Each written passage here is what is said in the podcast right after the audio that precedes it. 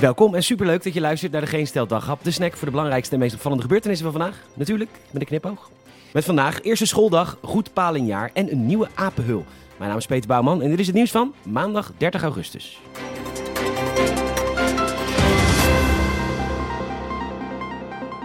Ook prinsessen gaan gewoon naar school en de NOS meldt dat het vandaag de eerste schooldag is voor prinses Alexia.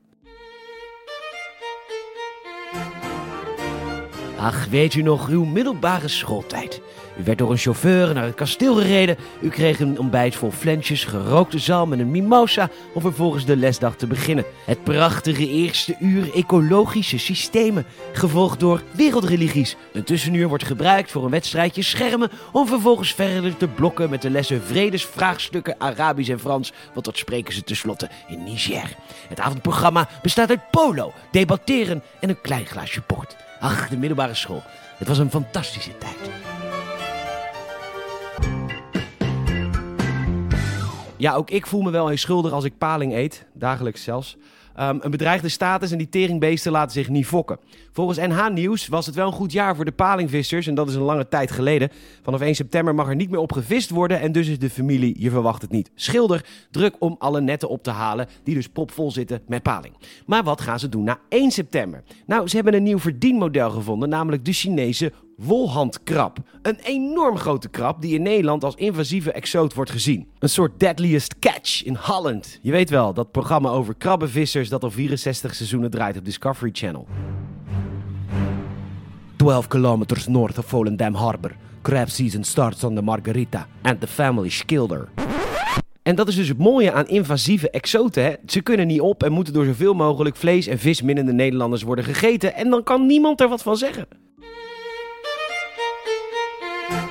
We beginnen met een carpaccio van damhecht met gemarineerde muskusrat, als tussengerecht gepocheerde Amerikaanse rivierkreeft en vervolgens staat op het menu gebakken wasbeer, afgeblust met een bouillabaisse van Aziatische modderkruiper op een bedje van halsbandparkiet. En als dessert gewoon ijs natuurlijk. Want een beter milieu begint met het vreten van die teringleiers.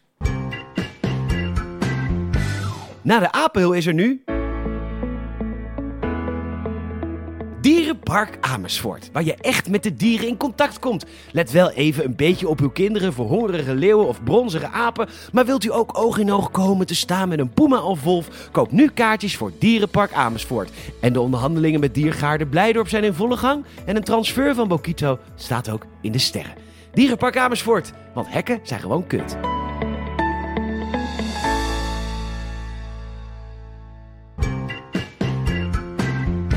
Volgens de T ligt president Biden onder vuur omdat hij op zijn horloge keek tijdens een ceremonie om de 13 in Kabul omgebrachte Amerikaanse militairen te eren.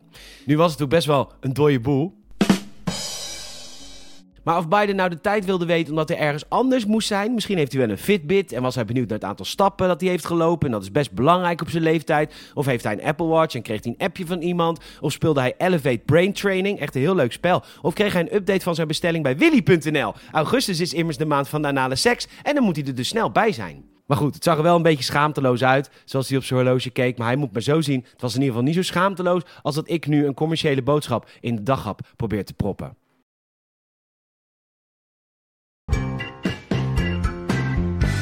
Bedankt voor het luisteren. Je zou ons enorm helpen als je een vriend of vriendin vertelt over deze podcast. Je kunt ons een hartje geven in Spotify. Je kunt ons volgen via Vriend van de Show. Of ons een Apple Podcast Review geven. Make them good. Vijf sterren alsjeblieft. Nogmaals bedankt en tot morgen.